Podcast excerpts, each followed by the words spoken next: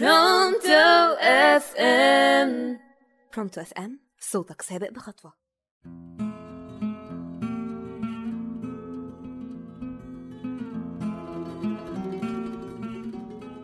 أهلا بيكم في برنامج social media مع سلمى أحمد على Pronto FM أكيد في فوائد لل social media وكتير كمان زي ما في فوائد في أضرار.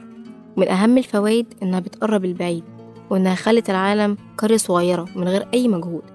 يا دوب بضغطة شاشة تكون شايف العالم كله قدامك ممكن كمان تعرف أخبار أماكن أسماء حاجات تانية أنت مكنتش تعرف إنها موجودة في الواقع. غير كده خلت عندنا وعي كبير خلت عندنا مسؤولية تجاه نفسنا والمجتمع. بقينا بنساعد بعض وإحنا منعرفش بعض. ودي حاجة جميلة فعلا. غير كده خلت عندك أنت وعي وصوت يتسمع وحياة تتعايش أنت وحدك المسؤول عنها.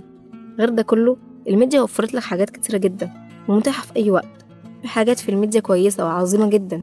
زي إنك ممكن تتعلم أونلاين تاخد كورسات لغات ثقة في نفسك بنفسك من غير ما حد يعلمك كل الحاجات دي. وفرت لك وقت وإنك متنزلش من بيتك وتضيع وقتك علشان أي حاجة. قيس ده بقى على كل حاجة في الميديا زي صحة تعليم شغل كل ده بقى عندك من ضغطة شاشة. فأنت أصبح عندك وقت مجاني وتعليم مجاني نقدر نقول إن الميديا دلوقتي بتسابق الزمن بقت بحر أو أداء معلومات جارية مش بتقف عند حد معين لأ مستمرة.